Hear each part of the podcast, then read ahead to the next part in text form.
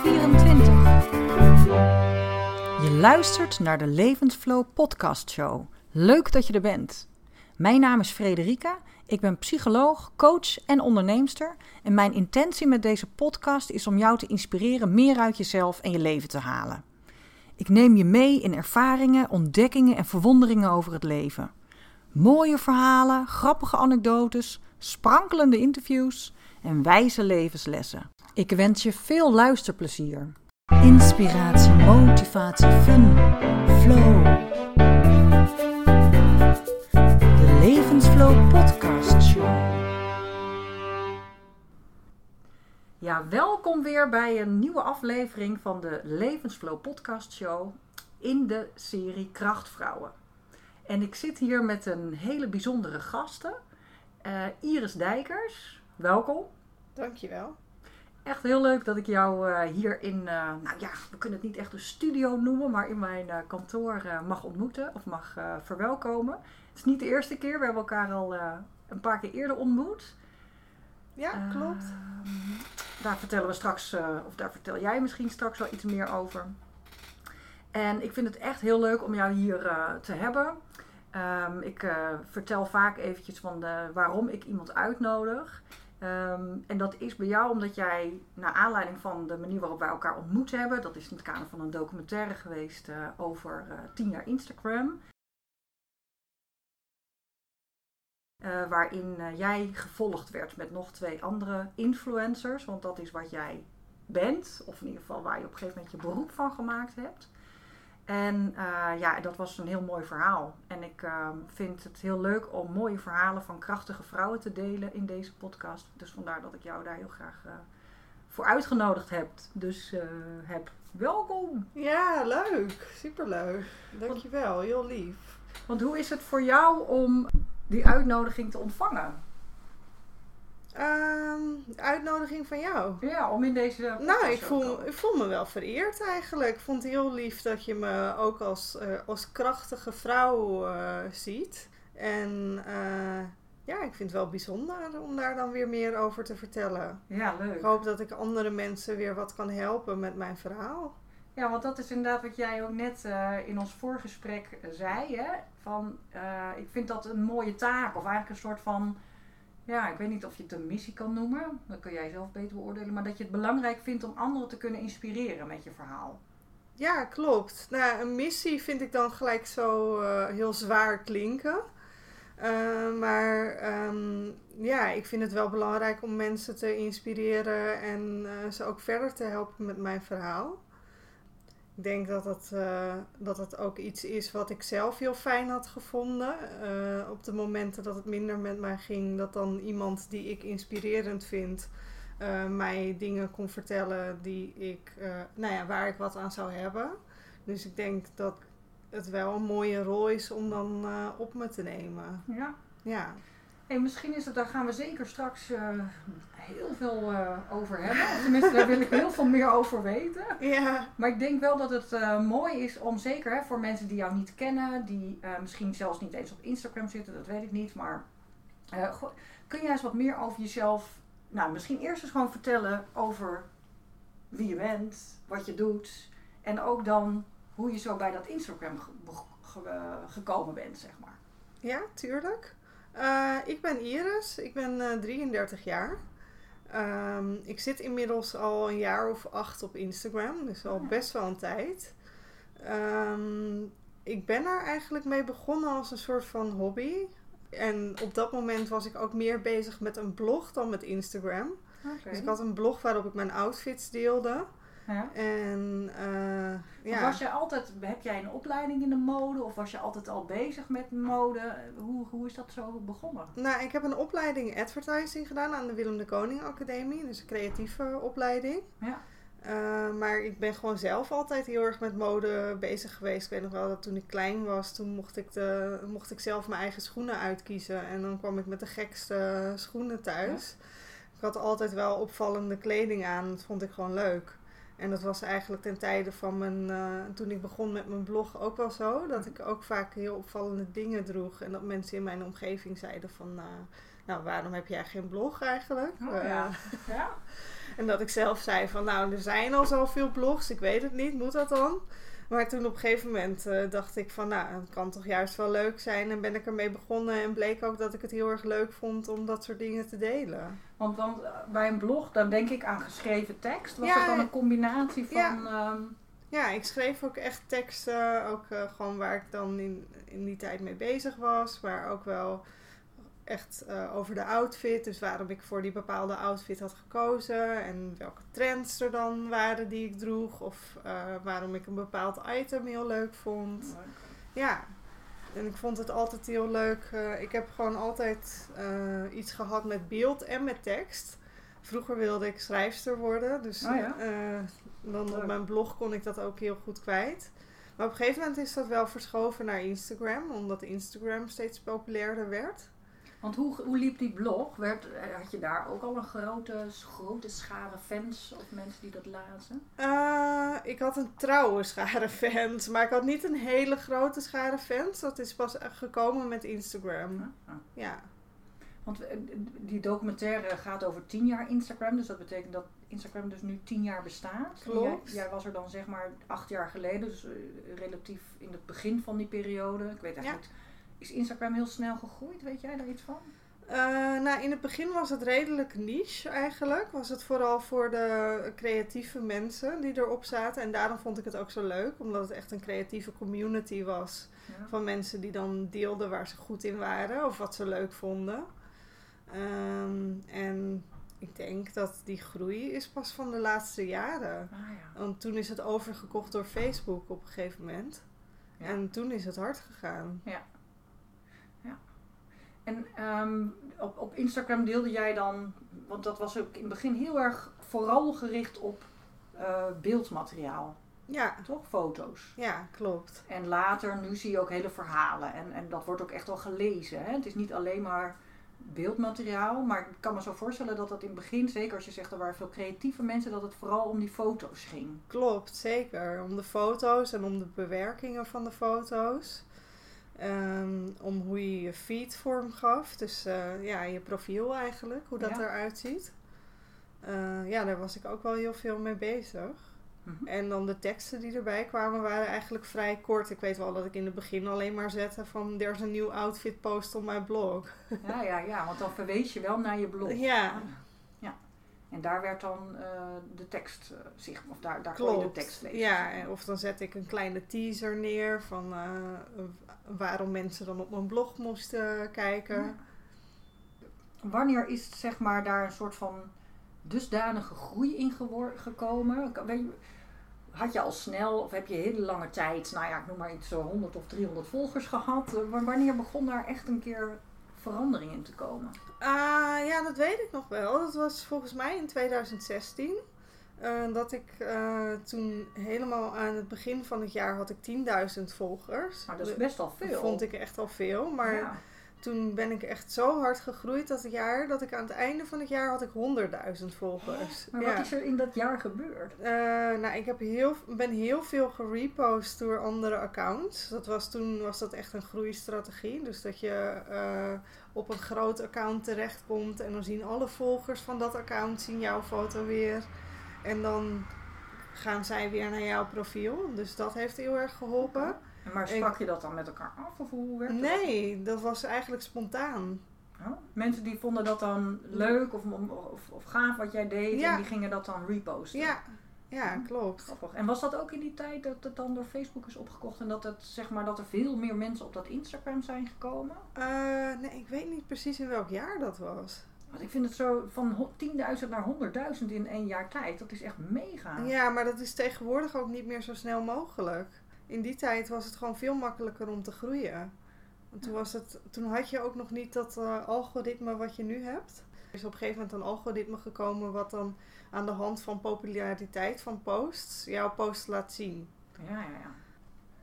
En sinds dat er is, is het wel echt moeilijker om te groeien. Ah ja. Ja, Het is niet zo inderdaad dat je in de huidige tijd, eh, denk ik in een jaar tijd, van 10.000 naar 100.000 volgers komt.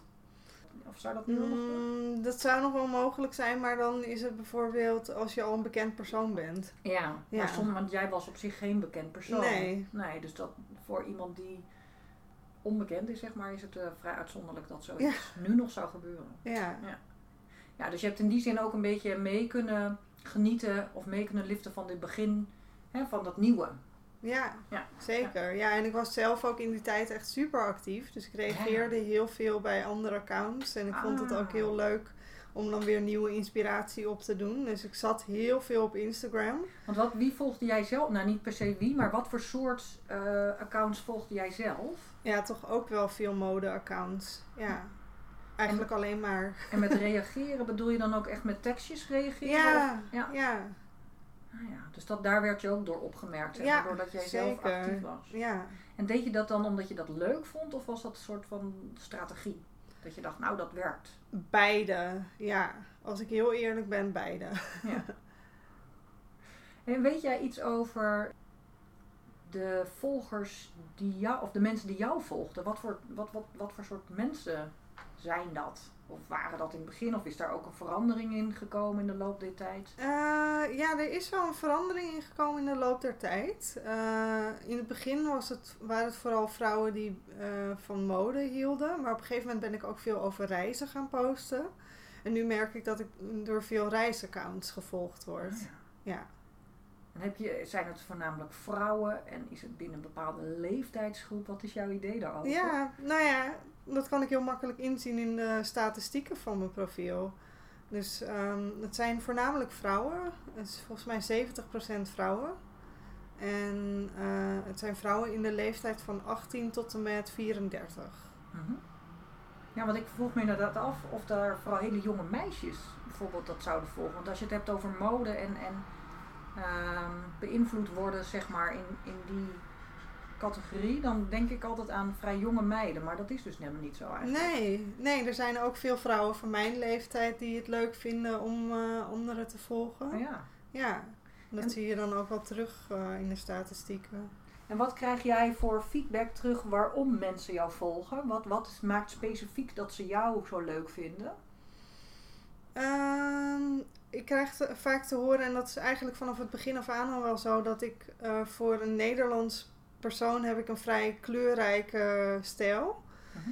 En eh, Nederlanders houden toch meer van een beetje eh, basics en rustige kleuren. En mijn stijl is wat kleurrijker, dus daarin ben ik altijd wel opgevallen. Ja. Eh, ik kreeg vaak te horen dat mensen het leuk vonden om te zien hoe je dan dus ook kleurrijke items combineert. En dat ik ook mensen wil motiveren om een beetje meer durf in hun outfits te krijgen.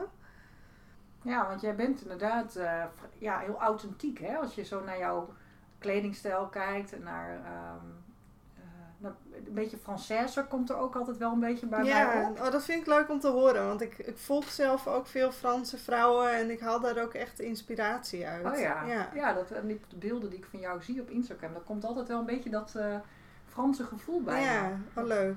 Veel van die mooie bloemenvelden heb je in de, in de nazomer volgens mij gehad. Of in de Klopt. zomer. Ja, leuk. Ja. Je vertelde net iets over dat reizen. Je zei van in het begin postte ik met name eh, kleding en mijn stijlen en daarin. En daar, daar vertelde ik dan dingen over waarom ik bepaalde dingen combineerde. Ehm, en je zei op een gegeven moment ging je ook meer over reizen delen. Of is dat ook een, een, een, eh, iets een passie of een hobby van je, reizen? Ja, zeker wel. Eh, nou, sowieso is het zo dat eh, in, dus in 2016 was ik heel erg gegroeid. En toen in 2017 kreeg ik eigenlijk de mogelijkheid, want toen wer ik werkte tot half 2017 werkte ik nog in loondienst. En toen kreeg ik de mogelijkheid om freelance te gaan. Mhm. Eh, want eh, dat was toen ook de vraag vanuit het bedrijf waar ik werkte of ik voortaan freelance voor hun wilde gaan werken. En waar werkte jij toen eigenlijk? In welke business zat je? Eh, interieur. Ik werkte bij Kitsch Kitchen. Ja. Eh, een heel leuk interieurmerk. Heel vrolijk en kleurrijk ook. Bestaat dat nog eigenlijk? Ja, bestaat Ja. nog steeds. Ik ken Ja. het wel uit Amsterdam Ja. op de Rozengracht. Ja, ja, die winkel bestaat helaas niet meer, Mm. maar het merk bestaat nog wel. Ja. Maar daar zat ik dus op de En Rozengracht. wel leuk past het wel bij Super- als je kijkt over dat kleurrijke Ja, en uh, Klopt. wereld. Ja. ja. Ja, grappig. dus dat was wel echt een hele goede match. ja, ik, heb, ik kreeg toen de mogelijkheid om freelance te werken. En toen kreeg, had ik dus ook veel meer tijd om te gaan reizen. En uh, ja, ben ik me daar eigenlijk wat meer op gaan focussen. Ook omdat ik het zag als een kans. Van, Ja. uh, nou, nu kan ik eindelijk, uh, heb ik de tijd om veel te gaan reizen. En ik had ook ondertussen best wel wat uh, vriendinnen gemaakt die ook influencer waren. Oh, en die ja. het dan ook leuk vonden om te reizen. Dus dan gingen we vaak samen op reis. Want je, je leerde elkaar dan kennen doordat je allebei, omdat je elkaar volgde. En ging je dan afspreken, hoe werkt zoiets dan? Hoe kom je dan Ja. met elkaar in contact? Ja, soms was het inderdaad doordat je elkaar volgde en dan gewoon uh, van nou, uh, dan bleek dat je elkaar uh, stijl wel leuk vond of dat je de persoon leuk leek en dan ging je afspreken. Of soms kwam je elkaar tegen op een event, want je wordt natuurlijk, uh, of nou ja, natuurlijk, maar als influencer word je vaak uitgenodigd voor events. Uh, van bijvoorbeeld een productlancering of een nieuwe collectie van een kledingmerk. Dus dan kom je ook wel andere influencers tegen. Mm. En dan raak je met elkaar aan de praat. En, en als het dan, dan klikt, dan ga je vaker afspreken. Ja. Ja. Want had je in die periode, zo zeg maar 2016, begin 2017, toen je dus die enorme groei van volgers doorgemaakt had, had je toen ook al sponsoren of dat je, hoe werkt dat eigenlijk? Ik heb helemaal geen idee hoe het werkt.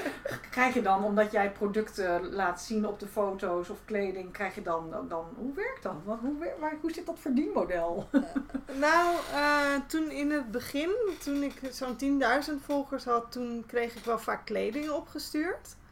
En, Met de uh, wens dan om daar dan, met de wens om daar wat over te plaatsen. deed je dat dan ook altijd? Uh, Of Ja. had je wel zoiets van, ik moet het wel leuk vinden? Nou, dat sowieso inderdaad. Als ik iets niet leuk vond, dan uh, zei ik daar nee tegen. Maar uh, veel dingen vond ik wel leuk, want ik ben gewoon gek op mode. Dus Ja.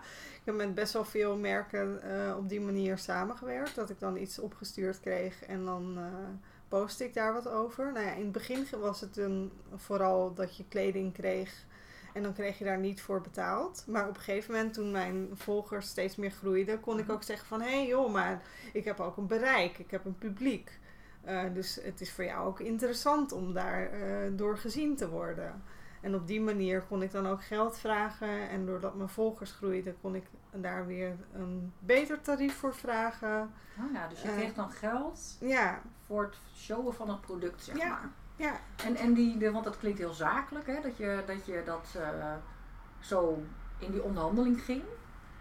Was jij zelf zo krachtig om te zeggen, nou ik ga die onderhandeling in? Of, of had- werd je daarbij geholpen? Had je een team? Hoe werkte dat? ja, ik heb het eigenlijk altijd zelf gedaan. Ja, je had Ja. zelf zoiets dat je dacht, nou wacht eens even, hier kunnen we wel eh, een verdienmodel van maken. Ja, zeker. Ja, ook omdat ik dan... Er waren wel een aantal influencers die ik volgde. Die waren daar ook wel eh, open over. Ja, want ik kan me ook voorstellen dat je elkaar daar ook in kan eh, adviseren. Zeker, ja. ja. Ik had het daar ook wel vaak met dan vriendinnen die influencers waren over. En dan gingen we ook bij elkaar te raden van als we bijvoorbeeld voor hetzelfde project werden gevraagd van... Goh, wat is jou eh, Mhm. aangeboden? Want dan wist je ook een beetje van, nou kan ik Ja. nog verder onderhandelen? Dus ja, ik had wel ook steun in mijn omgeving Ja. daarbij. Dat was wel echt heel fijn. Mooi. Hoe komen die producenten, of nou hoe noem je die, die merken, die komen er op een gegeven moment natuurlijk achter dat jij, of die, die, die zoeken daar waarschijnlijk naar, of die, ik weet niet hoe dat, daar zullen wel mensen op zitten om te kijken van wie, eh, hè, wie, wie hebben veel bereik en, en, en welke influencers zijn er. En dan op die manier word je denk ik benaderd, toch? Van ja, god, die heeft wel wat eh, te vertellen. Of tenminste, die eh, is heel erg zichtbaar. Dus als we met haar in zee gaan, dan weten we zeker dat dat product, nou ja, wa- waarschijnlijk dat de verkoop stijgt. Ja. Ja, ik denk ook dat het zo werkt. het is mij ook nooit uitgelegd. Ik ben nog steeds altijd verwonderd van hoe vinden mensen mij? Hoe weten ze dat ik besta en Ja. waarom gaan ze me dan volgen? Ja, dat... eh, Leuk. ja. En is, het, is dit voor jou, ehm, had je dit van tevoren kunnen bedenken? Dat dit je baan of dat dit je werk zou worden? We gaan straks ook nog trouwens praten over hoe het nu met je gaat en wat je nu doet. Maar Ja. je hebt een hele lange tijd, een aantal jaren heb je als influencer kunnen werken en leven. En, Ja. en met het geld wat je ermee verdiende kunnen, jezelf kunnen onderhouden, zeg maar.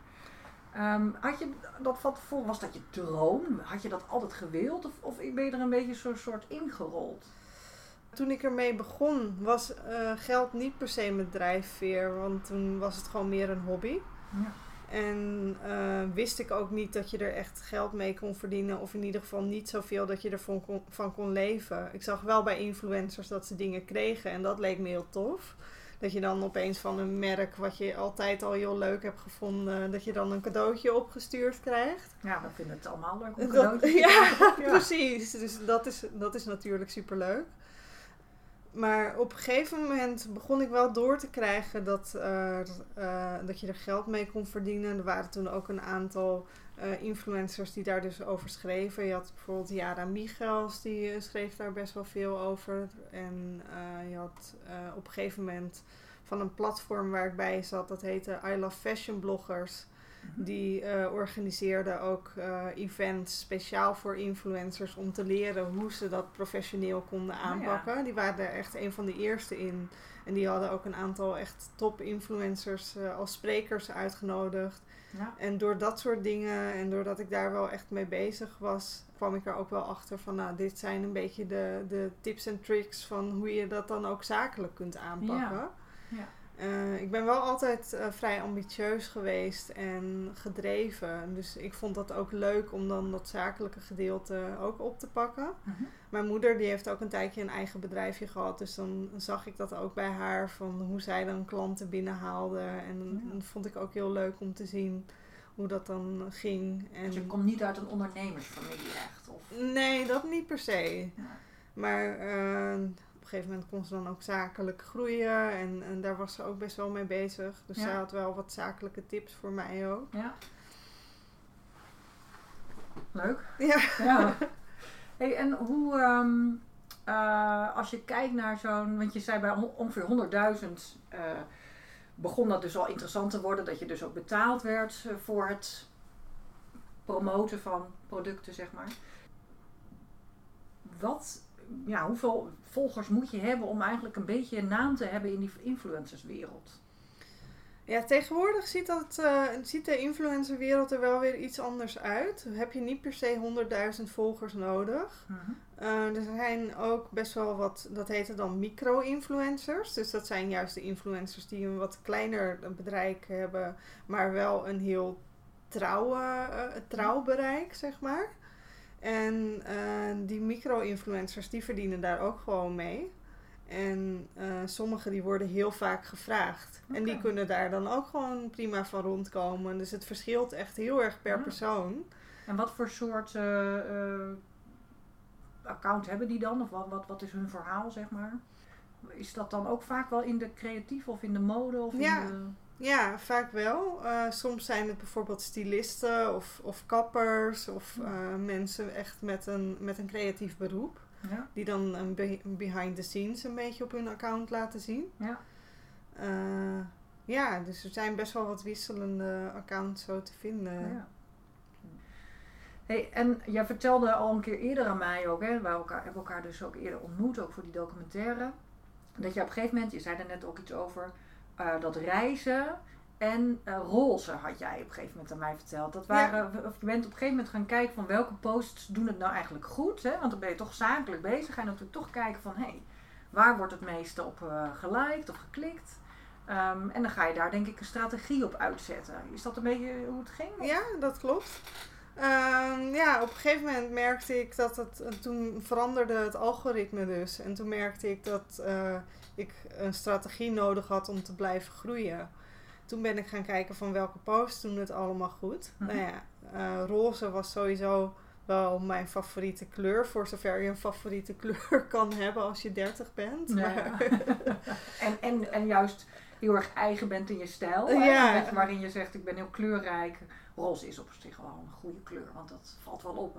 Hè? Ja, precies. Maar- en maar en heel was- vrouwelijk, heel Ja. meisjesachtig. Ehm, dus eh, nou ja, op een gegeven moment heb ik ervoor gekozen om steeds meer roze te gaan dragen.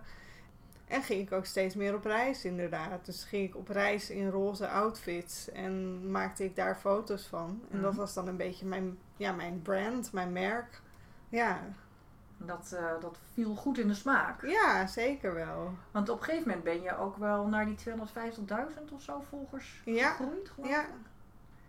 En is dat te wijten, of nou, eigenlijk te danken aan die strategie, denk je? Dat, dat, dat je zo duidelijk voor een bepaald brand hebt gekozen van dat roze en reizen, waardoor je die groei hebt kunnen maken? Ja, dat denk ik zeker wel. Ja, ik merkte wel echt dat, dat ik dan per post meer groeide. En ehm, ja, dat des te meer posts ik maakte over dus roze en reizen, des te meer ik groeide met mijn account. Mm So far, so good. Ja. Maar, ja, maar ik ben ook maar een mens. Ja, je bent ook maar een mens. Want geen, waar... uh, geen robot. geen robot, nee. nee. Want waar merkte je dat op een gegeven moment het een beetje begon te knagen? Of dat je het misschien niet meer zo heel erg leuk vond? Dat, nou ja, dat werk wat je deed. Uh, ja, ik merkte ook op een gegeven moment dat uh, ik dan echt heel stom, maar dan werd ik gezien als het roze meisje. En dan dacht ik van ja, maar ik ben helemaal niet alleen maar roze. Terwijl dat heel duidelijk was waarvoor ik had gekozen natuurlijk. Dus ik had het ook een beetje over mezelf afgeroepen. Ja. Uh, maar uh, op een gegeven moment vond ik dat gewoon vervelend. En dacht ik van nou, nu moet ik een andere strategie bedenken. Want nu vind ik het niet leuk meer om alleen maar met roze geassocieerd. het beeld wat je zelf gecreëerd had. Ja, precies. Want dan kwam ik ook bij een PR-bureau en dan zeiden ze van ja, hoe zit dat nou? Draag je nu alleen nog maar roze? Dus dan dachten zij ook dat ze alleen maar bij mij terecht konden met roze kleding. Mm. Terwijl, uh, ja. ja. Wat op zich wel logisch is als je zo je brand aan neerzetten bent. Ja. Maar dat, jij voelde daar bij jezelf al aan van hé, hey, maar dat wil ik eigenlijk helemaal niet. Nee, klopt. Uh, nou ja, op een gegeven moment dacht ik van ja, ik ben wel meer dan, dan roze. Toen heb ik ook een blogpost erover geschreven van nou jongens, ik hou ook van groen en geel hoor. Ja. en uh, vanaf dat moment begon ik eigenlijk ook steeds meer te zoeken van ja, naar wie, wie ben ik dan wel en waar hou ik dan wel van. Mm omdat ik gewoon echt een beetje in de war was geraakt door dat hele Instagram-algoritme-verhaal. Eh, uh, waardoor ik alleen maar roze was gaan posten. En hoe ver gaat die vraag dan van wie ben ik wel? Want gaat dat dan alleen over de. Want ik kan me voorstellen dat het niet alleen over de kleur gaat, niet alleen over het roze gaat. Dat er op het moment dat je in zo'n beroep rolt, wat natuurlijk een heel nieuw beroep is, want dat, dat Instagram bestond nog maar net. Um, dat is niet een beroep wat we al honderd jaar kennen. Nee, precies. Het is echt heel vers en nieuw. Dus daar komen nieuwe dingen bij kijken. Een zakelijke kant waar je het net over had. Maar ook een hele psychologische kant. Want je bent ineens van een, een onbekend iemand, zeg maar. Uh, dat is net als wanneer je misschien wel een bekendheid op tv wordt. Maar ben je in een medium wat we eigenlijk nog helemaal niet kennen, word je een soort van bekende Nederlander voor een bepaalde doelgroep. Hè? Mensen gaan je kennen op het moment dat je bekend wordt. Gaan mensen ook iets van je vinden? Zo werkt het. Hoe meer mensen, zeg maar, aan hoe meer mensen je blootgesteld raakt, hoe meer mensen ook een mening hebben. Zijn dat ook dingen die je gevormd hebben of die je meegemaakt hebt? Vervelende dingen daarin, bijvoorbeeld dat je shit over je heen kreeg? Of... Uh, ja, zeker wel. Op een gegeven moment, uh, des te meer ik groeide, des te meer mensen mijn post gingen zien natuurlijk. En dan kwamen mijn post ook wel eens terecht bij mensen die dat helemaal niet leuk vonden. Of die dachten van nou, wat belachelijk al dat roze. Of uh, dit is toch nep en in scène gezet. Uh, op een gegeven moment weet ik ook nog wel dat ik dan met een hotel een samenwerking had. En toen had ik gewoon een hele mooie foto gemaakt dat ik met een dekbed bij het raam zat. En dan had ik blote benen. En toen kreeg ik ook reacties van ja, je zet jezelf uh, op een seksuele manier neer omdat je je benen laat zien en uh, je bent de, de male gaze aan het pleasen en, dat het helemaal in, ja, bijna in het politieke werd getrokken. Oh. Terwijl ik dacht van, gewoon alleen maar denk van nou, ik maak een mooi plaatje. Oh, ja. ja.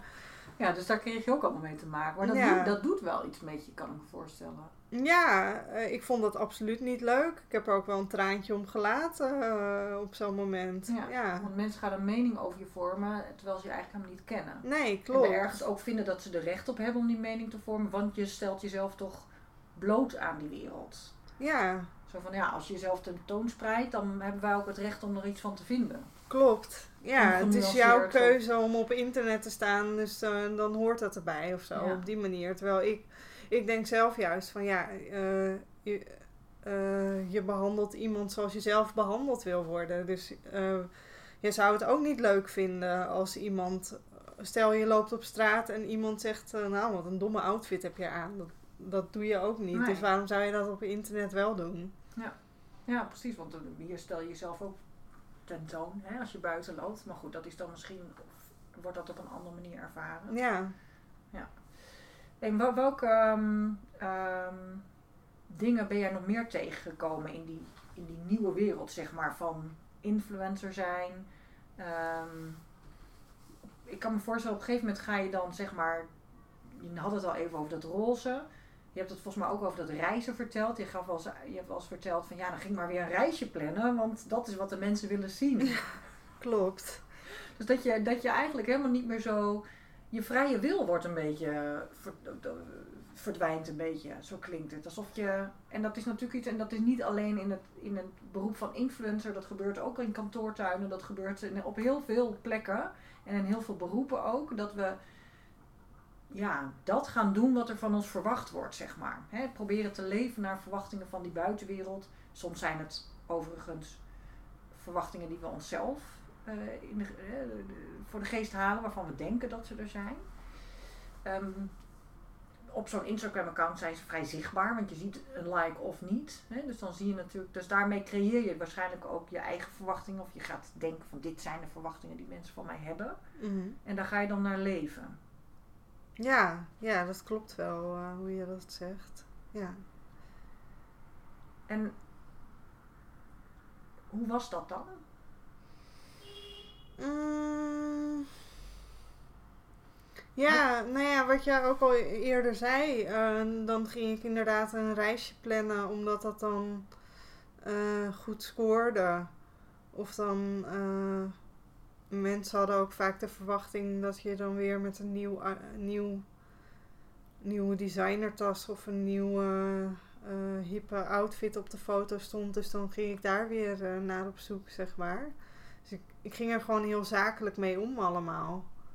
Van dit wordt er, dit wordt er van me verwacht, dus dit, dit doe ik. Maar ik haalde de, merkte wel op een gegeven moment dat ik er niet zoveel eh, plezier meer uit haalde. Of dat ik een beetje een soort van zuchtend door het leven ging. Van nou, moet ik dit weer doen? En dan moet ik dat weer doen? Mm. En ik moet het allemaal alleen doen. En eh, ja, dat ik dat niet zo leuk vond. En wanneer merkte je dan dat dat van ik vond het niet meer zo leuk overging in. Nou ja, je, op een gegeven moment lag je er echt wel uit, zeg maar. Of, of was je overspannen, je hebt er zelfs een burn-out eh, gehad. Ja, Wanneer speelde dat en, en wanneer is dat, ben je naar dat punt gekanteld, zeg maar? Eh, ja, het is eigenlijk wel, wel vrij snel gegaan. Maar ehm, het heeft wel een lange aanloop gehad, zeg maar. Want het, het heeft wel best wel lang geduurd voordat ik eh, eh, echt door had dat ik het niet meer leuk vond. En ik ben best wel lang in dat, dat ik het niet leuk vond blijven hangen. Ik kreeg steeds meer stress. eh, dus ik ging heel gestrest door het leven. Op een gegeven moment begon ik paniekaanvallen te krijgen. Ehm, was ik heel, heel bang voor van alles en nog wat. Want waar maakte je je druk over? Waar, wat was de trigger van die stress? Ja, zit ik even, moet ik even over nadenken. Ja, ik, ik denk meer, sowieso meerdere dingen. Ehm, ook wel dat ik gewoon wist dat ik, dat ik niet meer helemaal achter stond wat ik deed. En dat was een gedeelte ervan. Maar een gedeelte daarvan was ook wel dat ik gewoon continu aan moest blijven staan. En continu moest blijven doorgaan. Om dus datzelfde succes te blijven behouden. Want het, ja, het ding is gewoon met, met Instagram. Ik zou bijna zeggen, je bent zo goed als je laatste post. Eh, ja. Ja. Dus ehm, Dus je probeert dat steeds te evenaren. ja, inderdaad. En eigenlijk ook steeds beter nog te worden. Of dat was tenminste Ja. mijn doel. Ja. Want aan de andere kant, eh, nou ja, waar we het ook wel over hadden, het, platform is gegroeid. Dus er kwamen steeds meer mensen bij. En eh, dat betekent ook meer concurrentie. Ja. Dus ehm, je wilt wel zo goed blijven als dat je was of nog beter worden. Zodat je ook die nou ja, opvalt tussen die concurrentie. Ja. Op blijft vallen. Ja, en, en eh, je zei van ik, was, ik, ben, ik ben ambitieus. Hè? Dat ben je niet alleen in dat, dat influencerschap, maar dat was je misschien ook wel in de baan daarvoor. Dat ben je misschien ook wel weer nu in je baan. Al, alhoewel je misschien door de burn-out ook wel geleerd hebt daar iets meer rem in te ervaren, hoop ik. ja. ja, jawel. Maar ik merk toch wel dat het een gedeelte is wat gewoon bij mijn persoonlijkheid hoort. Ja. Ja, En ik kan me ook heel goed voorstellen, als je dus ambitieus bent en ehm, ook nog het idee hebt dat je je droom aan het leven bent, hè, dat, dat dat wat je heel graag wilde en wat je altijd eh, interessant vond, die mode, en dat je daar nu je geld mee kon verdienen en dat je daarmee ook aanzien en bereik hebt. Hè, want het hoort er ook allemaal bij. Dat is natuurlijk allemaal de, de, het plaatje wat we zien en wat, wat, wat ook mooi of wat ook bijzonder is, wat, wat je ook bijzonder maakt. Ehm, tegenover het er misschien niet helemaal meer oké bij voelen of er niet helemaal meer achter kunnen staan wat je doet. Want dat vertelde je net ook, van ja, misschien kon ik er niet helemaal meer achter staan. En daar zit je dan in een soort van, ja, hoe moet, moet je dat noemen? In een soort van spagaat. spagaat. Ja. Want enerzijds ja, mag je toch heel dankbaar zijn dat jij dit leven kan leven. Hè, met al die volgers en al dat aanzien. En anderzijds knaagt er iets. Dat je denkt, oh, maar dat, dat, dat knagende, dat wil je natuurlijk, tenminste dat zijn we als mens geneigd, dat, om dat weg te stoppen, om dat niet te willen zien. Want ja, gaat toch niet dit allemaal opgeven? Je kunt toch niet aan, aan jezelf of aan de buitenwereld toegeven of laten zien dat je dit eigenlijk niet wilt. Of dat dit niet de manier is waarop je het wilt. Dat kan ik me zo voorstellen. Ja, nee, dat heb je heel, heel goed verwoord. Dat is eigenlijk precies wat er aan de hand was ook met me. En waardoor ik het ook, die stress en die, eh, die dingen die niet goed gingen, eigenlijk een beetje negeerde. Omdat ik dacht van, eh, ja, ik wil het ook niet opgeven. En eh, voor de buitenwereld ging het allemaal gewoon goed. Ja. Iedereen dacht van, eh, nou, die, die gaat als een speer, weet je. Eh, dan kwam het ook wel eh, echt als een verrassing dat het dan niet goed bleek te gaan. Ja. Maar mensen geschokt. Ja, zeker wel. Ja. En, en over welke mensen hebben we het dan? Want ik kan me ook voorstellen dat je dat niet meteen aan iedereen vertelde. Nou, zelfs mijn ouders. ja. En vriendinnen, ook uit de influencerswereld. Of herkennen Ja. die ook wel zaken? Ja, die, ja, die herkenden ook wel bepaalde dingen. Maar eh, ik moet ook wel zeggen dat ik een tijdje ook minder met eh influencer vriendinnen ben omgegaan toen, ik, toen het echt slecht met me ging. Toen ik echt in die burn-out was beland. Toen heb ik echt eventjes een soort van rem op dat hele wereldje gezet. Omdat ik ook op dat moment me afvroeg van komt het dan daardoor dat het zo slecht... eh, want je gaat toch een beetje op zoek naar het, een soort van boeman of zo. Dus Mm. dan... eh, was ik, dacht ik van ja, komt het dan eh, daardoor dat het niet goed met me gaat? Ja, of je bent in ieder geval op zoek naar een oorzaak. Ja. ja. ja. Ben je toen ook in die periode van Instagram afgegaan? Of dat je het in ieder geval een soort van slapend account... eh, Eh, ja, ik heb eh, sowieso een maand heb ik helemaal niks gepost. Wat voor mij dan best wel lang was, want ik postte bijna elke dag. mhm.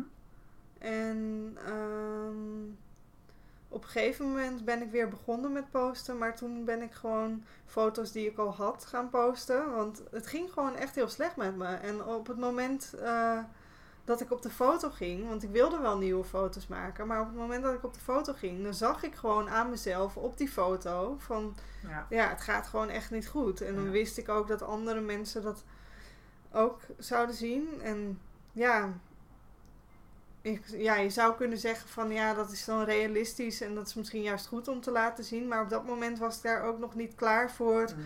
om eh, de hele wereld te betrekken in mijn proces, zeg maar. Nee, ik vraag me af of dat eh, slim is. Want ik denk dat je... De mooie uitspraak...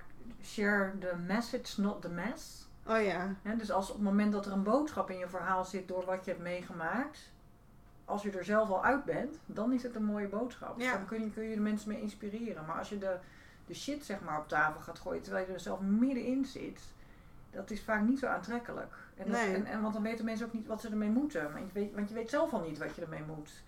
Dus ik denk dat je daar juist heel verstandig aan hebt gedaan door dat op dat moment zeg maar niet te delen. Dat- je zou daar dat is iets voor jezelf waarvan je denkt, ik heb laatst zag ik ook een, een, een post van je voorbij komen waarbij je wel refereerde aan eh, de periode van ongeveer een jaar geleden is het hè.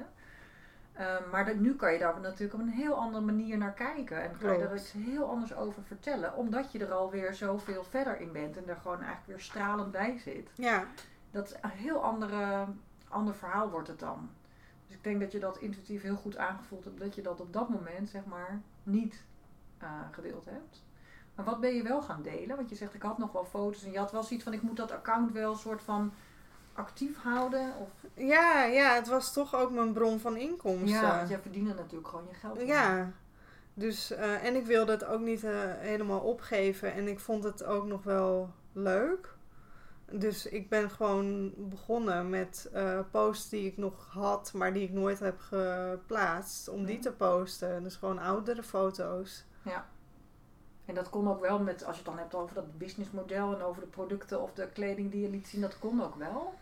Uh, nou, als ik gevraagd werd voor een samenwerking, dan maakte ik daar uh, wel nieuwe foto's van. Maar dan ging ik wel een beetje strategisch op de foto. Dat ik bijvoorbeeld een beetje half met mijn gezicht erop stond. Of misschien zelfs met mijn achterhoofd. Om, omdat ik gewoon nog niet klaar voor was om mezelf helemaal te laten zien. Heb je, heb je dan ook aan die samenwerkingspartijen, zeg maar, die, die, die merken waar je mee samenwerkte, moeten vertellen dat het niet zo goed met je ging? Um, nou, ik heb um, toen uh, het niet zo goed met me ging, heb ik een tijdje een agent gehad wel. Dus toen deed ik het niet uh, alleen. En zij heeft het toen wel uh, aan sommigen verteld. Van ja, Iris die heeft wat tijd nodig vanwege de mental health, zeg maar. Ja. ja. Ja. ja. dat is wel fijn dat je wel iemand had die daartussen stond. Zeg maar, ja. Dat je dat dan niet zelf hoefde te doen. Ik nog even terug over die toch wel donkere periode in je leven, zeg maar. Toen je met die burn-out geconfronteerd werd. En paniekaanvallen vertelde je net ook. Je bent toen ook hulp gaan zoeken, hè? Ja, zeker. Ja. Nou ja, het is, het is zo dat ik al eerder hulp had gezocht. Um, ik had, was begonnen met hulp zoeken in november het jaar daarvoor. Dus dat was dan 2018 volgens mij. En, uh, maar dat was bij een beetje een alternatieve, uh, uh, ja, shamaanachtig type. Die ook dingen deed met briefwork en tappings. En mm-hmm. dat was eigenlijk niet de hulp die ik nodig had. Niet, dat werkte niet, dus daar ben ik op een gegeven moment mee gestopt. En Hoe kwam je daar trouwens terecht? Via, ja, via een vriendin van me die wel heel goed door hem geholpen ja. is. Maar ja, ja, zo zie je maar weer dat iedereen weer bij wat anders baat heeft. Ja, ja. Maar voor mij was het het echt uh, helemaal niet. En toen ben ik wel gewoon naar de huisarts gestapt en, en kwam ik op een wachtlijst eerst uh, mm-hmm. voor therapie. Toen uiteindelijk ben ik bij iemand terechtgekomen en dat was een, vrouw ook van rond de 30 en die had zelf ook een burn-out en een depressie gehad. Ja. Want ik heb, ben zelf ook nog na mijn burn-out ben ik ook nog in een depressie beland. Weet je wel. En uh, dus zij kon mij echt heel goed uh, helpen daarmee. Wat fijn. Ja. En wat zijn daarin voor jou de belangrijkste handvatten geweest, waardoor je er weer, nou ja, beter bij bent komen te zitten, zeg maar? Uh, nou, zij heeft mij een zelfhulpboek aangeraden. En dan ben ik eventjes... volgens mij heet het Negatief Zelfbeeld. Van Manja... Nou, ik weet, ik weet even niet meer precies van wie kom ik nog op terug. Als je er nog op Als ik er nog op kom.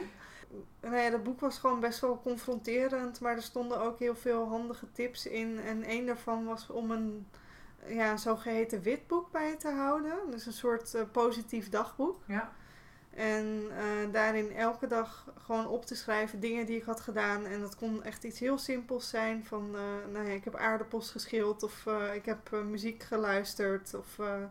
Nou ja, dat je toch weer een beetje de, de positiviteit in je leven terug kan vinden, zeg maar. Ja. Dat heeft mij vooral heel erg geholpen. De focus van het negatieve naar het positieve ja, eigenlijk. Ja, en ook gewoon zoek, daarin zoeken naar andere dingen die mij plezier brengen dan alleen maar het online uh, bestaan, ja. zeg maar. Ja. Het leven buiten het uh, ja, schermpje. Ja, Het precies. echte leven. En dus ik ben toen ook heel veel yoga gaan doen en ik ben veel gaan wandelen. Nou, ik vertelde het net al aan je, mijn ouders die eh, houden heel erg van wandelen en Ja. die zijn beide gepensioneerd. Ja. Dus die hadden heel veel tijd en eh, die hebben heel goed eh, mij ondersteund in die periode. Dus we zijn heel veel gaan wandelen en gewoon goed. goede gesprekken gevoerd. of soms juist niet als ik daar geen behoefte aan had. Ja, En ja, dat heeft me wel heel veel geholpen. nou wat goed hoor. Ja, En is er ook, want vaker zie je bij mensen met een burn-out, ehm, dat er ook bepaalde patronen? Ieder, ieder mens heeft natuurlijk patronen die je in je leven opdoet, want je maakt dingen mee, je krijgt een opvoeding, je leert dingen op school en dat maakt er allemaal, zorgt er allemaal voor dat we bepaalde ehm, gedragspatronen aanleren. Bij mensen met een burn-out zie je vaak dat er patronen in zitten van dat ambitieuze, wat jij net noemde, maar ook bijvoorbeeld wel het heel graag goed willen doen voor anderen. Dat, dat het pleasende gedrag. ehm, het eh, perfectionisme, dus dat het allemaal perfect moet. Dat zijn vaak wel van die patronen. Is, is dat ook iets waar jullie in die therapie naar gekeken hebben? Van welke patronen heb ik in mijn leven Ja. opgedaan? Wat, wat heb ik van thuis meegekregen? Wat, wat werkt wel, wat werkt niet meer? Ja, zeker wel. Eigenlijk hetgene wat we tegenkwamen, wat het meest killing was voor mij, was het perfectionisme toch wel. Ja. Wat je ook heel erg terugzag natuurlijk in mijn posts, die helemaal perfect tot in de puntjes eh, waren uitgedacht. Mhm. Maar eh, wat ik eigenlijk ook door ging trekken in mijn, eh, in mijn persoonlijke leven en in mijn eigen leven, dat alles helemaal moest gaan zoals ik het verwachtte. Ja, ja, dus eigenlijk op die manier heel erg de boel onder controle willen Ja, houden. ja, heel erg controlfreak. eh, Ja. ja. Ja, dat werkt vaak. We, we- als mens zijn we geneigd om controle te willen houden, omdat we hopen dat ons dat geluk brengt, want dan houden we het onder controle en dan hebben we overzicht.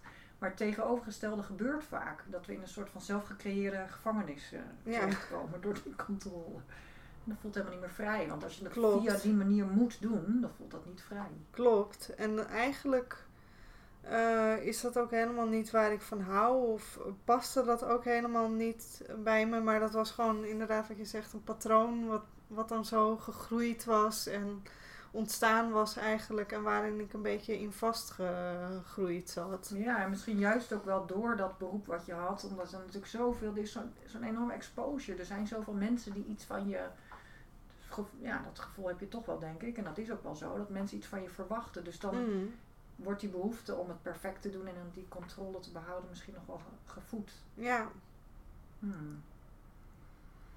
zeker. Hoe zit je er nu bij, zo, zo een jaar later, zeg maar? Eh, ja, nu gaat het heel goed met me eigenlijk. Ik heb heel veel baat gehad bij de, bij de therapie die ik heb gehad. En eh, ik merk gewoon dat ik heel erg heb geleerd om eh, vooral zo open mogelijk te zijn. En zodra er ook maar iets is wat, wat niet lekker loopt, dat ik dat dan gelijk kenbaar maak. Dat ik daarmee praat over eh, met, de, me- met de mensen in mijn eh, omgeving.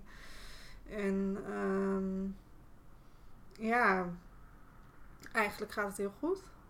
Ja, want ben je, ehm, nadat je dus in die, de donkerste periode, zeg maar, zat, en toen die therapie bent gaan doen, ehm, ben je toen op een gegeven moment ook weer met dat Instagram actiever geworden, ook weer zo, op de manier zoals je dat deed, of is dat, is dat veranderd? Nee, dat is wel echt veranderd. Eh, sowieso ben ik eh, wat minder gaan posten natuurlijk. Op een gegeven moment heb ik het wel weer wat opgepakt. Maar toen ben ik gewoon eh, gaan kijken naar wat vind ik zelf leuk. Ehm, Dus niet meer alleen maar reizen en roze. nee, niet alleen maar reizen en roze. Nou ja, dat reizen wordt trouwens met corona ook wel een stuk lastiger. Ja, Dus dat is opgelost. dat is opgelost. Dank je corona. Verder, ehm, ja, ben ik gewoon ook andere kleuren gaan dragen dan eh, alleen maar roze. Ik zie het. Ja, Een mooie herfsttint. Met een Ja. prachtige ketting trouwens. Met een ja dankjewel. Is dat de amethyst? Het is een amethyst, ja. Ja. ja. Grappig. Toch een beetje iets van het shamanisme of het Ja. spirituele heb je inmiddels opgepikt. Ja. Leuk. Ja, want je weet dus wel dat het een amethyst is. Ja. Ja, nee, ik ben eh, echt opge opgegroeid in een beetje alternatief gezin. En mijn moeder die eh, verzamelt stenen. Maar ja, Dus eh, ik weet er wel iets van. ja leuk. Ja. En je zei van ik ben wat vrijer in, in dat wat ik post. Hè. Ik ben niet meer zo geregisseerd qua kleuren of qua setting. Uh, je ook niet meer elke dag meer op een gevoel wanneer je het zelf wilt. Of? Ja, ja. ja. Ja. Ja, en op een gegeven moment had jij ook het verlangen om misschien wat anders te gaan doen hè, qua werk. Dat je niet meer per se afhankelijk of dat je dat influencer bestaan niet meer als je vaste baan zou willen. Ja, uh, klopt. We hebben elkaar toen ook een aantal keer gesproken in het kader van die loopbaanbegeleiding. Om te kijken van nou, wat, wat zou je dan wel willen? Um, wat, kun je daar eens wat over vertellen? Waar, waar, wat er dan speelde, wat jij dan voor verlangens daarin had, of wat voor ideeën je daarover had. En nou ja, ook over hoe dat dan uiteindelijk uitgepakt is. Want volgens mij uh, werk je nu niet meer als uh, fulltime influencer. Dus vertel daar eens wat over. Uh, ja, nou, ik was. Um, ik merkte gewoon heel erg dat ik vooral het werken met collega's en het werken in een team heel erg miste.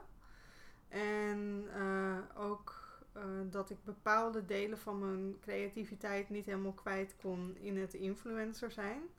Omdat het toch, uh, nou ja, je doet werk binnen een bepaald kader. Maar ik ben daarnaast ben ik ook nog grafisch vormgever en ik maak graag illustraties. Dus er zijn best wel wat dingetjes die ik nog leuk vind. Behalve dan het influencerwerk. Dus ben ik op zoek gegaan naar een baan. Om te kijken of of ik iets kon vinden wat daarop aansluit. Ja. En dat is gelukt. Dat is gelukt, ja. Ja, ik heb een heel leuke uh, baan gevonden, ook bij een interieurmerk. Het heet Present Time. Mm -hmm. En um, daar ben ik grafisch vormgever, maar heel erg breed word ik ingezet. Dus ik mag bijvoorbeeld de catalogus uh, vormgeven. Ik mag nieuwsbrieven maken. Maar ik mag ook meedenken over nieuwe producten. En echt productontwerpen maken. Wat ik wow. echt heel tof vind. Ja. En uh, ja, ik word gewoon... Uh, het is een klein bedrijf. Dus ik word gewoon echt op de talenten die ik heb, word ik ingezet. En dat vind ik echt super fijn. Wat tof joh. Ja. En um, hoe lang doe je dan nu? Ik werk er nu een maand, dus uh, het is nog vers. Ja, ja, ja, ja leuk. En, en, doe je nu voor dat bedrijf bijvoorbeeld ook dingen met Instagram? Of, of, of kan je daarin adviseren? Ik kan me voorstellen dat je achtergrond als influencer echt wel een meerwaarde is voor een werkgever. Ja, klopt. Uh, ja, ik uh, ben ook gevraagd om het Instagram-account te beheren. Dus dat doe ik nu ook. Ja. En daarnaast om een influencer-strategie te bedenken. Dus ook te kijken met welke influencers we vanuit het merk kunnen werken. En uh, nou, dat is nog volop in uh, ontwikkeling, uh, zeg maar. Maar ja. ja, daar komen denk ik ook wel leuke dingen aan. Leuk. Ja. En merk je dan dat je toch met de kennis en ervaring die je de afgelopen jaar hebt opgedaan, echt wel meerwaarde te leveren? Hè? Ja, zeker wel. Ja, het is wel grappig, omdat je natuurlijk, ik ben er zo ingerold en ingegroeid eigenlijk. En uh, ik denk uh, dat heel veel dingen voor mij super vanzelfsprekend zijn. Maar als ik het dan aan iemand anders vertel, dan is dat helemaal niet zo vanzelfsprekend. En dan merk je dus dat je inderdaad best wel veel weet. Ja. Ja, heel waardevol kan ik me voorstellen voor uh, een organisatie die ook, zeker hè, bij een interieurbedrijf, zeker ook wel voor een deel afhankelijk zal zijn van zo'n medium als Instagram voor zijn ja. ja, zeker. Ja, klopt. Ja, en ook helemaal in de tijd van corona, dat toch steeds meer mensen online gaan kopen. Ja. Dan uh, heb je Instagram als tool daar echt wel bij nodig. Ja. Nou, mooi hoor, dat je zo'n een club hebt gevonden of een baan hebt gevonden waarin het samenwerken, het kunnen sparren, het, het, hebben van collega's. Uh, en waar je talenten zo uh, naar voren komen. Ja, ja, super tof. Daar ben ik echt heel blij mee. En je Instagram account? doe ik er ook nog bij. ja. Ja. Maar wat minder vaak dan eerst. Ik post nu ook gewoon uh, de foto's die ik heb, zeg maar. Dus ik ben er wat minder kritisch op geworden. Ja. Maar ik merk ook wel dat mensen dat ook wel gewoon leuk vinden. Dat het niet zo uh, gepolijst is allemaal. Mm -hmm. Maar dan, ik kan me ook voorstellen, want je werkt daar vier dagen bij het uh, present time. En je werkt nog voor je opdrachtgevers met betrekking tot je Instagram account dan kan het ook wel weer heel druk worden. Hoe uh, hou je voor jezelf de balans? Ja, dat uh, klopt. Ja, en nu zit ik natuurlijk ook met eh, eh, de documentaire die eraan komt. En daar eh, komt ook nog wat promotie rondomheen. Ah ja, die is overigens op het moment dat mensen deze podcast luisteren al geweest. Ja, Maar dat in dat, in, nu wij ons Nu- gesprek hebben nog niet. Ja. nu komt die eraan. Ja, dus daar heb je het ook de komende week. eh, Ja. Volgende week eh, komt hij eh, uit, hè? De ja, klopt. Oh, dus je bent even in een hele drukke periode. Ja, dus eh, ik moet eventjes kijken hoe ik dat dan doe. Ik merk wel dat ik plan gewoon alles eh, continu in in mijn agenda. En als dan mijn agenda er te druk uitziet, dan haal ik er gewoon uit wat ik, wat ik op dat moment dan eh, toch minder nodig heb of Mhm. zo. Ja. Ja, en kan je dat ook met je huidige werkgever in overleg doen? Want zij snapt misschien ook wel dat je, doordat die documentaire eraan komt. Ah, ja, jawel. Ik, ehm, ehm, bijvoorbeeld eh, woensdag gaan we waarschijnlijk een kleine première doen. En dan heb ik gewoon overlegd dat ik dan vrij ben. Ja. Dus dat is gewoon prima. Ja. En zij begrijpen, zij weten ook dat dit is wat ik doe. Dus ik heb dat over, ook overlegd of dat dan eh, oké is dat ik er af en toe wat naast doe. En dan, ja. ja, dan moet ik gewoon vrij nemen. Ja, dat, dat is dan zo. Dat is Ja. ook prima. Daar heb ik mijn vrije dagen voor. Weet je joh. Nou, misschien toch nog eh, dat droomleven waar we het in het begin over hadden. Hè? Droom jij of leef je je droom? Ja, Maar dan nu in een eh, meer zelfgekozen setting, zeg maar, vorm. Hè? ja, En ik denk, eh, ik kan me zo voorstellen dat je als belangrijkste les hebt dat je heel goed op je grenzen moet blijven letten. Dat je heel Klopt. dicht bij jezelf moet blijven. Ja. En Wat, wat voelt voor mij oké? Nog een, een, ik heb nog een andere, mm, denk ik, toch wel belangrijke vraag. eh, die jij als influencer kunt beantwoorden en ik niet. Wat zou jij nou, want er zijn natuurlijk, je noemde het net al, jij bent in een tijd begonnen waarin er nog niet zoveel mensen waren die dit deden. Op een gegeven moment is dat een hele grote business geworden. Er zijn steeds meer mensen op dat medium gekomen, maar ook als vloggers. eh, influencers zijn natuurlijk, je hebt ze op Instagram, maar je hebt ze natuurlijk ook op andere eh, media of platforms. En jij was nog relatief oud, is niet helemaal het goede woord, maar je was geen 13 zeg maar toen je eh, influencer werd. Je hebt natuurlijk tegenwoordig steeds meer jonge mensen ook die influencer worden of die aan het vloggen zijn of die groter, veel schare fans krijgen zeg maar.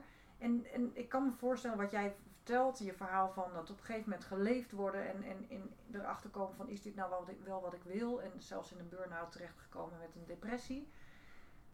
Zie jij het ehm, gevaar voor jonge mensen die influencer worden of die vlogger zijn? Heb jij zoiets van jeetje, weet waar je aan begint? Eh, ja, ik vind dat zeker wel tricky. Ik vind het lastig om daar echt een mening over te vormen. Want aan de andere kant moet je natuurlijk vooral doen wat je leuk vindt. Maar ik denk wel dat eh, ja, zodra je echt een business ervan moet maken, dan, dan word je misschien echt geleefd. En dan eh, moet je misschien bepaalde keuzes maken en over bepaalde dingen nadenken die als eh, kind of als jongere helemaal niet zo gezond zijn. Ik denk dat het vooral goed is om gewoon lekker naar school te blijven gaan en gewoon het leven te leven zoals je dat als kind of jongere doet. Nou ja, en ik kan me ook voorstellen wat jij net zelf al zei, hè, dat je, jij ontdekt hebt ook van, of jij kreeg als opdracht om ook zeg maar dingen te gaan doen buiten het, het, het schermpje, buiten het internet en buiten het digitale leven, zeg Ja. maar, het echte leven, het, het leven dat we zien als we hier naar buiten kijken. En je noemde al die wandelingen met, nou ja, dat je echt in het, we we zitten nu in de herfst en jij zei ook al, ja, die herfst is zo'n mooie tijd om buiten te zijn, want dan zie je al die kleuren. Dat is het echte leven, zeg maar. En, en ik kan me voorstellen, op het moment dat je al heel jong.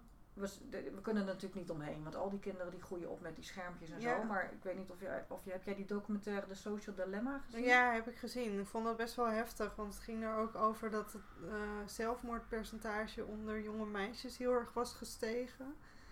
Bij het met het gebruik van social media. Ja. Ja, omdat al die invloeden en al die reacties, die natuurlijk allemaal een beetje, die zijn achter de schermen gebeurd. Dat het gebeurt niet in your face, wat natuurlijk wel op het schoolplein gebeurt. Daar is het al sneaky, hè? daar weten we altijd al als mens de sneaky plekjes te vinden. Ehm, dat doe je namelijk in de kleedkamer van de gym of in de grote pauze op het schoolplein en niet in de klas waar de juf Mm. bij is. En dus dat, dat is al een gevaar. Eh, maar op dat internet is dat natuurlijk helemaal niet te controleren. Dus dat, dat sowieso het leven op een scherm is natuurlijk niet het echte leven. En, en inderdaad ook die beïnvloeding, want je bent niet voor niks, heb je de titel influencer. Maar die beïnvloeding is enorm door dat medium. Ja, Ehm, dus dat geldt niet alleen al voor jonge mensen die influencer zijn, maar die ook dus dat allemaal volgen. Want dat is natuurlijk de andere kant van influencer zijn. Je kunt dat pas zijn als je ook een schare volgers hebt. Als je heel veel mensen hebt die dat interessant vinden. Dus al die mensen aan de andere kant van het scherm zijn zeg maar de volgers. Hè, die die influencer interessant vinden. Maar die worden natuurlijk enorm beïnvloed vloed ja. door die influencer. En over hoe het zou moeten en wat, hoe het hoort. En hoe leuk je eruit zou moeten zien. Dat, daar zit best wel... Toch? Je moet dan best wel stevig in je schoenen staan. Wil je daar niet door overgenomen worden. Klopt. En ik denk echt dat het pas vanaf een bepaalde leeftijd kan dat je daar gewoon bewust van eh, wordt. En misschien dan zelfs nog niet eens. Want er is natuurlijk ook zoveel wat gewoon gebeurt in je onderbewustzijn. Doordat je er überhaupt aan wordt blootgesteld. Ja. Dus ik denk, ja, ik weet niet. eh, er zit waarschijnlijk een hele psychologie achter waar we nog niet zoveel van weten. Mhm. En eh, ja, ik vind dat gewoon best wel eh, eh, lastig eh, tegenover jonge kinderen. Ja, want heb jij dan, want die jonge kinderen kun je dan misschien niet direct, ja, die zou je ook kunnen adviseren. Maar eigenlijk zou je die ouders dan, wat zou je die ouders voor advies willen geven? Laat je kinderen lekker buiten spelen. ja. Ja, en ik zou ook niet. Ja, ik weet niet wat ik voor advies zou geven. Want ik weet ook, ik kan ook nog wel herinneren vanuit mijn eigen jeugd. Ik ben dan wel opgegroeid met internet. En dan vond ik het wel leuk om gewoon een beetje te browsen en op MSN te zitten en zo. En dan vond ik het ook heel vervelend als mijn moeder dat dan probeerde te monitoren. En die kon daar ook niet eh, eh, mij in tegenhouden of zo. eh. dus ja, ik weet niet of je echt als ouder, dat is meer wat ik bedoel, dat je echt als ouder dan iemand, dan een kind helemaal gaat monitoren daarin. Nee, weet maar ik denk dat begrenzen wel noodzakelijk Ja. is. Ja, Ik dat denk snap dat, dat je ik. als ouder het echt moet begrenzen. Dat zag je ook wel in die social dilemma. En dan werden die, die mensen, hè, die oude CEO's en zo van Instagram en weet ik het, Facebook, werden dan gevraagd. Wat, eh, hoe vaar- hoeveel uur mogen jullie kinderen op eh beeldscherm? Niet. Ja, die mochten gewoon niet eh, op die sociale, platform, sociale platforms. nou ja, dat zegt wel iets. Hè? Als die mensen dat, eh, die dat zelf gecreëerd hebben, zeg maar, dat verslavingseffect. Waar, waarvan zo'n, dat is natuurlijk ook nooit de opzet geweest, maar dat is wel het effect dat het eh, uiteindelijk geworden is. Ja, Ja, maar jouw advies is lekker naar buiten. ja. Ja, heel goed. Het is voor jezelf een goed advies en eigenlijk voor iedereen. ja, dat denk ik wel. Ja. Gewoon genieten van de wereld eh, die je buiten kunt zien. Mooi. Ik denk dat we daarmee eh, deze podcast gaan eh, afronden. Ja, Lijkt me een heel mooi slot. Lekker naar buiten om te genieten. Ik zeg ook wel eens tegen mijn kinderen: we gaan naar buiten waar de vogeltjes fluiten. ja, precies. Dan roepen ze heel hard: nee, ik heb geen zin. Maar als ze er dan eenmaal zijn, dan genieten ze er toch wel volop van. Dus ja, ik ga hem even afsluiten. ja, En eh, ik wil jou in ieder geval echt super bedanken. Ik vond het heel leuk om je hier te gast te hebben. graag gedaan. ehm, ja, nou ja, mensen weten jou. Ja, waar, waar kunnen ze jou volgen dan toch nog eventjes? Eh, je kan me vinden op Instagram, @byirisophia. En verder heb ik nog een eh, blog die heet happyheartsclub.nl. Happy Hearts Club. ja. Mooi. Ja. En dat is het wel, denk ik. ja, leuk. Dus bij, I, bij Iris Sophia. Sophia. Of als je zoekt op Iris Dijkers, dan vind je hem ook wel. Super. Nou, ik wil je heel hartelijk bedanken dat je weer geluisterd hebt naar deze Krachtvrouwen podcast. Als je het nou interessant vond, geef het even een like of een rating. En ik hoor, zie je heel graag weer bij een volgende podcast. Thank you.